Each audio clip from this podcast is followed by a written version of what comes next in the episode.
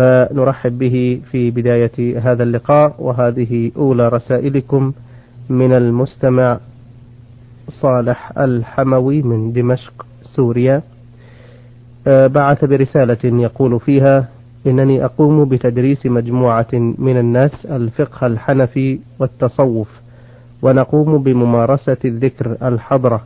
ودليلنا على هذا هو أن النبي صلوات الله وسلامه عليه عندما هاجر إلى المدينة المنورة استقبله الناس بالإنشاد وضرب الدفوف فأقرهم على ذلك ولم ينكر عليهم. كذلك ورد في القرآن قوله تعالى قل الله. وكذلك فإنني أعلم تلامذتي ضرورة طاعة الشيخ ومحبته وعدم الاتجاه إلى شيخ غيره عملا بقول النبي صلى الله عليه وسلم من لا شيخ له فشيخه الشيطان. ولكن أحد تلامذتي قد أخذ يجادلني مؤخرا في هذه الأمور وينكر علي ذلك بحجة أنها بدع وأنها تخالف هدي النبي عليه الصلاة والسلام. فقد أصبحت في حيرة من أمري ولما سألت عن تصرفاته تلك قيل لي إن الشاب الذي يجادلني متأثر بالوهابية. وقال بأن هذه الفكرة الوهابية بدعة تدعو إلى التطرف وتحرم المدائح النبوية والمولد وتقول عن كثير من الأمور المستحسنة إنها من البدع. فقد أشكل علي الأمر.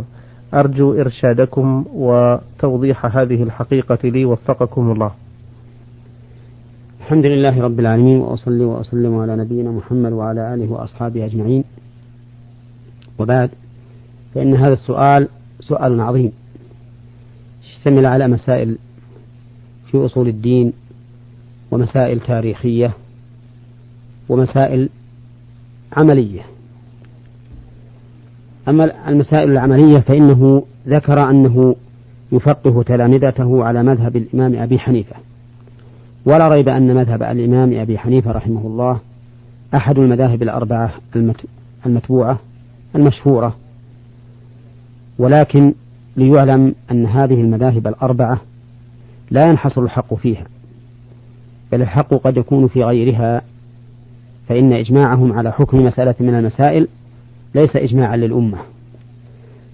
والأئمة أنفسهم رحمهم الله ما جعلهم الله تعالى أئمة لعباده إلا حيث كان كانوا أهلا للإمامة حيث عرفوا قدر أنفسهم وعلموا أنه لا طاعة لهم إلا فيما كان موافقا لطاعة النبي صلى الله عليه وسلم.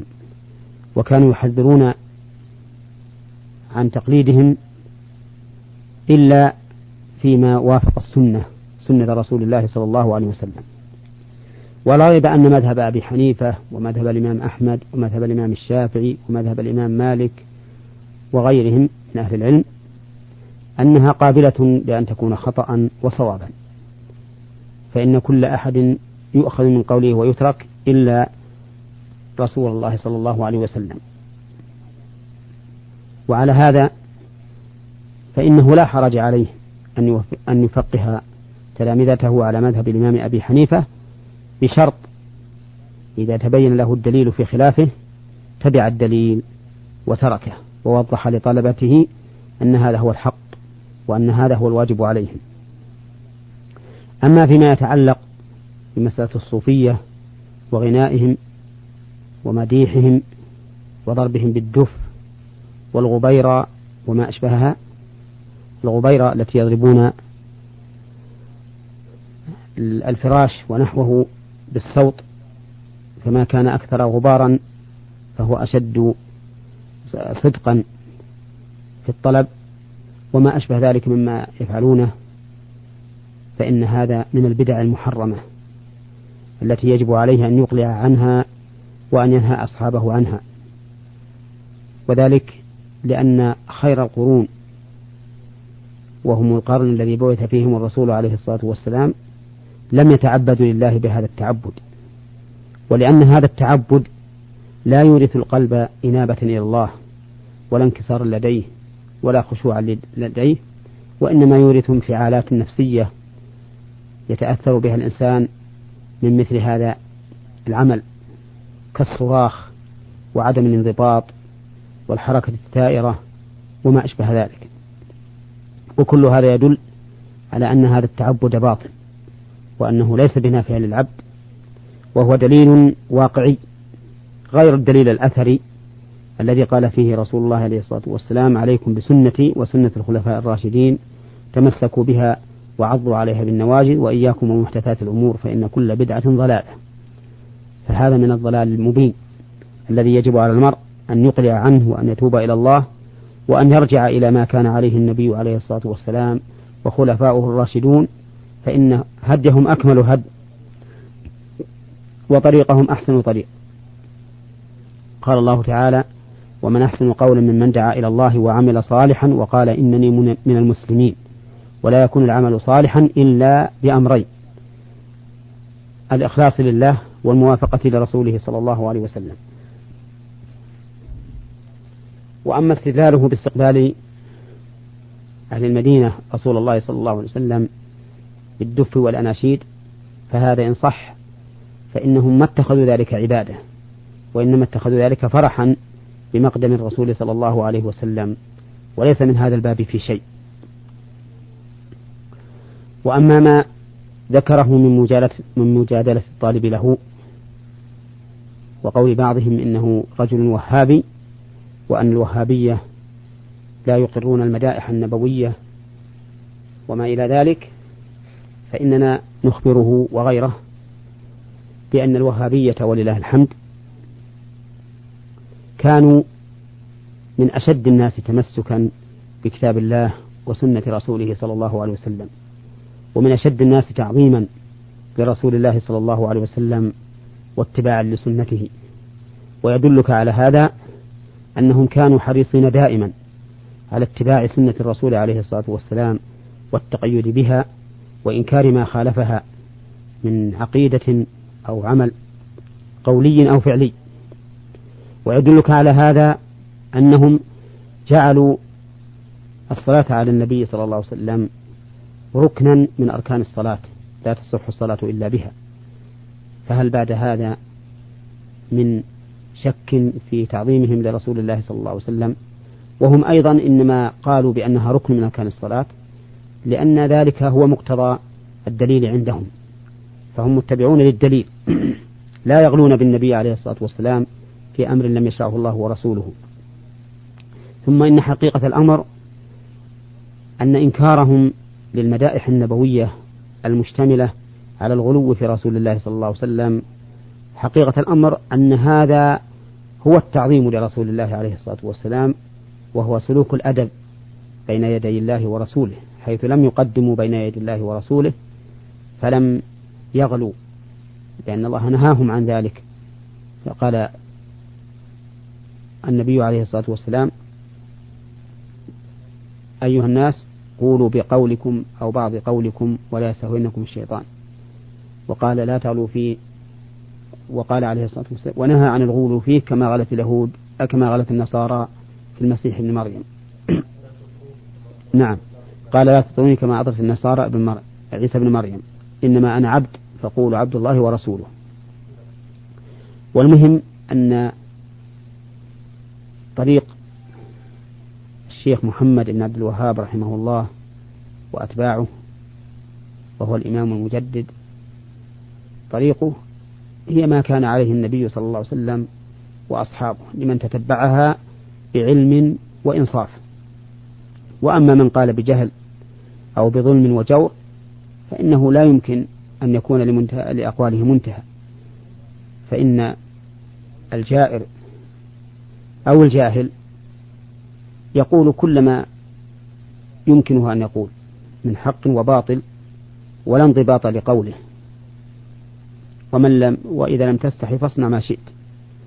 ومن أراد أن يعرف الحق في هذا فليقرأ ما كتبه الشيخ محمد بن عبد الوهاب رحمه الله وأحفاده والعلماء حتى يتبين له الحق إذا كان منصفا ومريدا للحق.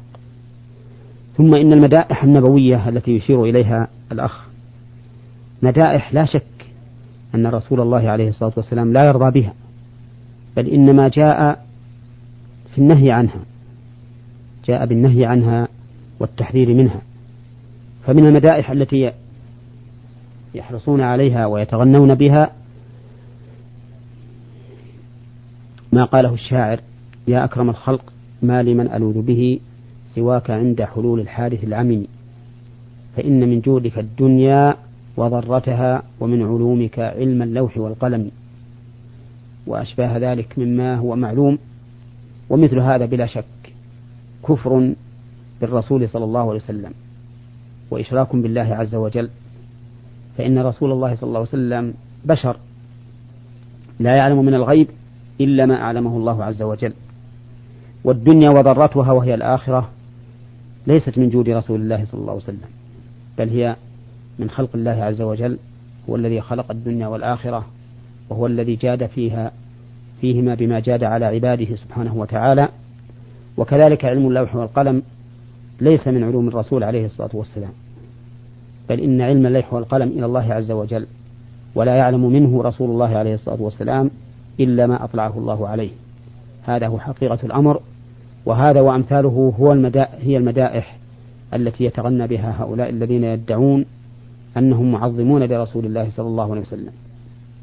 ومن العجائب أن هؤلاء الذين يدعون أنهم معظمون لرسول الله عليه الصلاة والسلام تجدهم معظمين له كما زعموا في مثل هذه الأمور وهم في كثير من سنته فاترون معرضون والعياذ بالله. فأنصح هذا الأخ الذي يسأل هذا السؤال أنصحه بأن يعود إلى الله عز وجل. وأن لا يطري يطري رسول الله صلى الله عليه وسلم كما أطرت النصارى عيسى بن مريم. وأن يعلم أن رسول الله صلى الله عليه وسلم بشر يمتاز عن غيره بالوحي الذي أوحاه الله إليه وبما خصه الله به من المناقب الحميدة والأخلاق العالية ولكنه ليس له من التصرف في الكون شيء وإنما التصرف في الكون والذي يدعى ويرجى ويؤله هو الله عز وجل وحده لا إله إلا هو سبحانه عما يشركون. نعم. أحسن الله إليكم. هذه رسالة من المستمع رمز لاسمه بالأحرف صاد سين عين مصري يعمل باليمن الشمالي. يقول لي زميل يقوم بإخراج اثنين ونصف بالمئة من أي مبلغ يدخل له كزكاة للمال وهو يقوم بذلك قبل أن ينفق من ذلك المال أي شيء. فهل ذلك يسقط عنه زكاة المال المشروعة عن المال الذي يحول عليه الحول بعد ذلك؟ وبالطبع ما يقوم بإخراجه هو أكثر بكثير من هذه النسبة لأنه بذلك يخرج عما يحتاجه وعما يزيد مقدما. إن الزكاة لا تجب إلا إذا تم الحول عليها. نعم. فإذا تم الحول أحصى الإنسان ما لديه وأخرج زكاته. إذا كان من من من عروض التجارة أو كان من النقد فإنه يخرج عنه ربع العشر. يعني اثنين ونصف المئة فيقسم ما عنده على أربعين والحاصل بالقسمة هو الواجب في الزكاة. إلا ربح التجارة فإنه لا يشترط فيه تمام الحول. فلو اشترى عقارا بعشرة آلاف ريال للتجارة ثم بقيت قيمته على هذا الوضع فلما تم أحد عشر شهرا ارتفعت قيمته حتى بلغت خمسة عشر ألفا فإنه يجب عليه أن يخرج زكاة خمسة عشر ألف ريال وإن لم. وإن لم يتم على هذا الربح إلا شهر واحد الحول حول الأصل. فالحول حول الأصل في ربح التجارة وكذلك نعم. أيضا في نتاج السائمة. إذا كان عنده سائمة وأنتجت نتاجا يتغير به الفرض فإنه لا يشترط له لها تمام الحول. وها هنا مسألة تشكل على كثير من الناس وهي أصحاب الرواتب الذين يأخذون الراتب شيئا فشيئا. كيف يخرجون الزكاة؟ يقول بعض الناس أنا إذا اعتبرت زكاة كل شهر بنفسه صعب علي ذلك لأنه يشق علي إحصاؤه. فماذا أصنع؟ نقول أحسن شيء في هذا إذا تم حول الشهر الأول أو الراتب استلمت إذا تم الشهر إذا تم الحول من أول شهر استلمت فيه الراتب فأد زكاة ما عندك كله زكاة ما عندك كله. فما تم حوله فقد أخرج زكاته في الحول. وما لم يتم حوله فقد عجلت زكاته وتعجيل الزكاة لا حول لا شيء فيه وحينئذ تكون قد استرحت فتجعل لك شهرا معينا وهو أول شهر تم عليه تم به الحول من أول راتب وتجعل هذا الشهر كلما مر عليك تخرج زكاة ما عندك حتى تستريح من مراعاة حساب كل شهر بنفسه. نعم. أه سؤاله الثاني يقول هل يشترط إخراج زكاة المال للمحتاجين من المسلمين أم تجوز حتى لغير المسلمين؟ كذلك إذا كانت تجب للمحتاجين من المسلمين فقط فهل يشترط أن يكونوا ممن يقيمون شعائر الله حيث آه، نحن في زمن للأسف كثر فيه المسلمون الذين لا يصلون ولا يقيمون أكثر العبادات؟ فهل يشترط في من تجب لهم الزكاة؟ شروط معينة. أما الكافر فإنه لا تدفع إليه الزكاة إلا ما كان من المؤلفة قلوبهم. فإن من المؤلفة قلوبهم من الكفار من يجوز أن تدفع لهم الزكاة. وأما الفاسق من المسلمين فإنه يجوز أن تدفع إليه الزكاة ولكن صرفها إلى من كان أقوم في دين الله أولى من هذا. وأما إذا كان المسلم لا يصلي فإن تارك الصلاة كافر مرتد. لا يجوز أن تصرف له الزكاة لأن ترك الصلاة كفر مخرج عن الملة. وعليه فإنه ليس أهلا للزكاة إلا أن يتوب ويرجع إلى الله عز وجل ويصلي فإنه تصرف إليه الزكاة.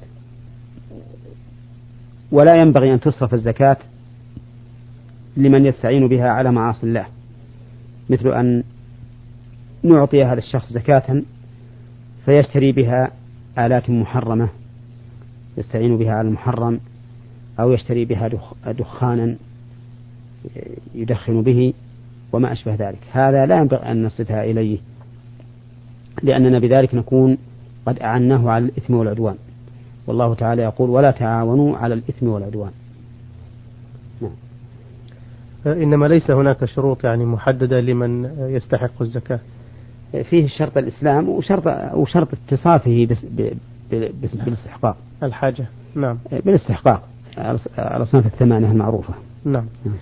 آه، له سؤال أخير يقول هناك شخص يعرض علي أن أعطيه رأس مال لمشروع تجاري أو أشاركه وحيث أنني ليس لدي أي خبرة في التجارة وأخشى على مالي من الضياع ولكنه هو يجيد التجارة فهو يقترح علي أن يجنبني الخسارة بمعنى أن يضمن لي نسبة ربح ثابتة شهريا وليس لي دخل لا بالحساب الكلي لهذه التجارة ولا بالخسارة لو حدثت علما بأنه كأي مشروع تجاري خال من أي معاملات آه، محرمة أو تجارة في ما لا يرضي الله. فهل ما يقترحه علي بأن يجعل لي نسبة ربح ثابتة شهريا حلال أم حرام؟ وهل يدخل هذا تحت الربا أم لا؟ هذا حرام ولا يجوز للإنسان أن يعطي ماله شخصا يفرض عليه كل شهر قدرا معينا سواء ربح المال أم خسر. لأن هذا من الميسر إذ أن المال قد يربح شيئا كثيرا يكون ما أعطاك بالنسبة إليه قليلا. وقد يربح شيئا قليلا يكون ما أعطاك بالنسبة إليه كثيرا. وقد لا يربح شيئا فيخسر هذا العامل من ماله. ومثل هذا ما جاء به النهي في باب المزارعة من حديث رافع بن خديج قال كان الناس يواجرون في عهد النبي عليه الصلاة والسلام على الماديانات وأقبال الجداول وأشياء من الزرع فيهلك هذا ويسلم هذا ويسلم هذا ويهلك هذا ولم يكن للناس كراء إلا هذا. فلذلك نهى عنه النبي عليه الصلاة والسلام. يعني كانوا يجعلون لصاحب الأرض شيئا معينا معلوما. إما أصواعا معلومة من الزرع وإما جهة معينة من الأرض وهذا محرم. فهذا الذي ذكرت مثله. ولكن الطريق السليم إلى ذلك أن تعطيه مالك يتجر فيه ويكون له من الربح نسبة معينة كنصف الربح أو ربعه أو ثلثه أو ما أشبه ذلك مما تتفقان عليه فيكون هو منه العمل وأنت منك المال والربح بينكما على حسب ما تتفقان عليه نعم. وهذه هي المضاربة التي أجازها أهل العلم نعم. للأخ السائل سؤال أخير يقول فيه في إحدى الحلقات السابقة من برنامجكم سمعت ردا لأحد المشايخ عن سؤال حول نجاسة الكولونيا والروائح المضاف إليها الكحولات. وورد في رد فضيلة الشيخ أن ذلك متوقف على كمية الكحول المضافة للكولونيا بمعنى أنه إذا كانت مضافة لها كمية كمية كحول بحيث إذا شرب منها الإنسان كمية كبيرة جدا ولم يسكر فليست بمحرمة. عملا بالقاعدة الشرعية ما أسكر كثيره فقليله حرام. وأنا أسأل أليس القليل من الكحول المضاف لأي شيء وليكن دواء مثلا؟ أليس هذا القليل من كثير وهو الكحول مسكر؟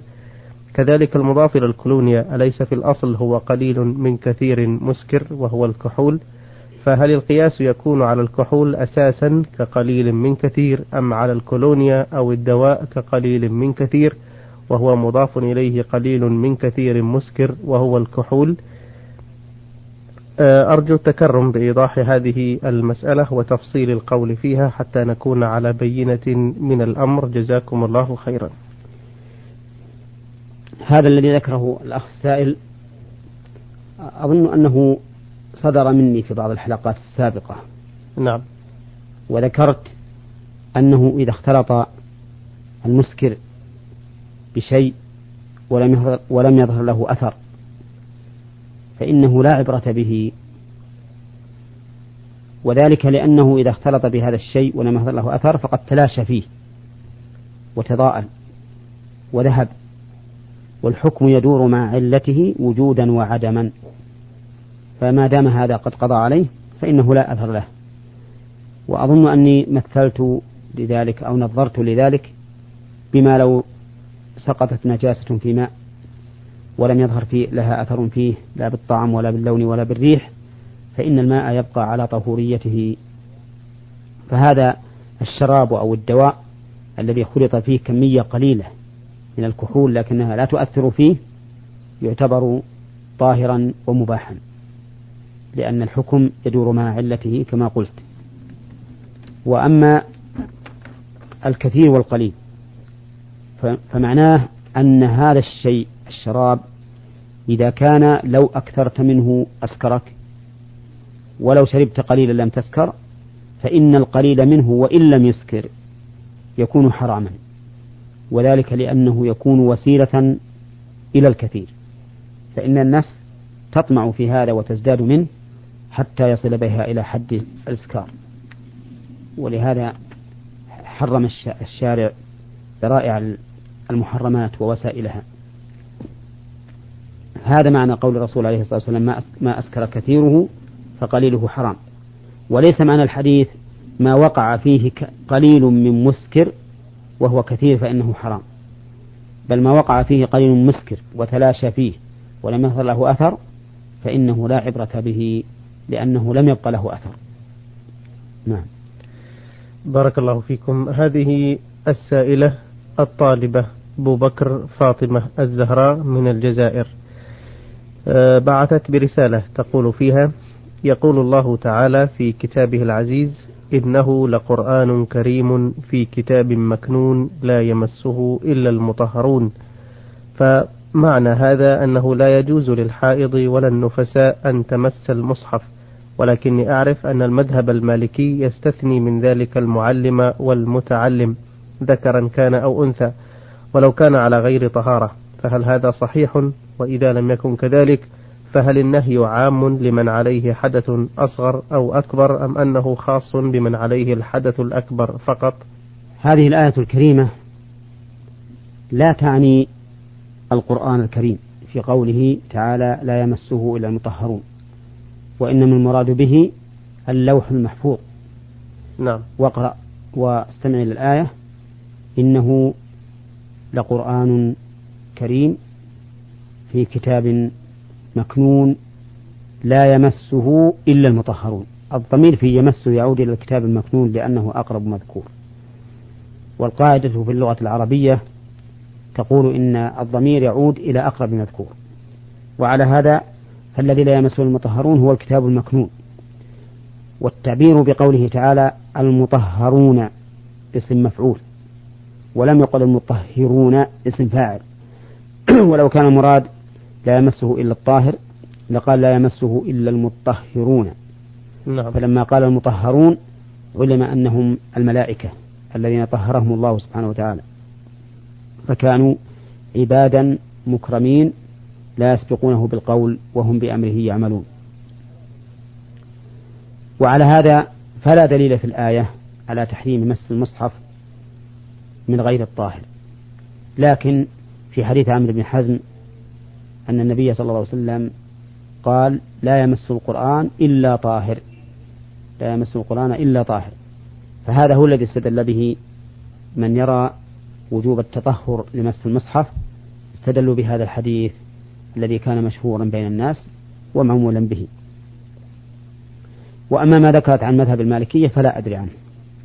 هل. هذا مذهبهم أم لا؟ ولكن الخلاف في هذه المسألة معروف. في اشتراط الطهارة لمس المصحف الطهارة من الحدث وعدمها. نعم.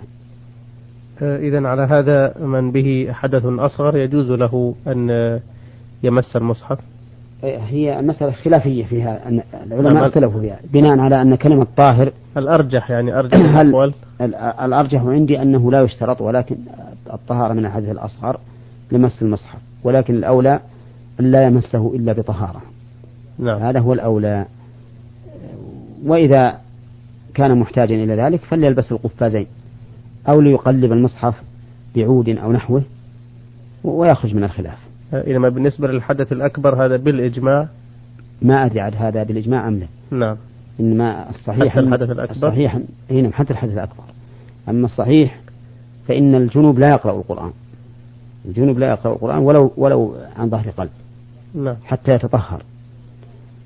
بخلاف الحائض فإن الحائض لم يثبت فيها حديث عن النبي عليه الصلاة والسلام في منعها من قراءة القرآن ثم إن حيضها ليس بيدها. الجنوب يمكنه أن يتطهر ويزيل المانع ويقرأ القرآن. نعم, نعم. بارك الله فيكم. إخوتنا الكرام آه، عرضنا رسائلكم في لقائنا اليوم على الشيخ محمد بن صالح.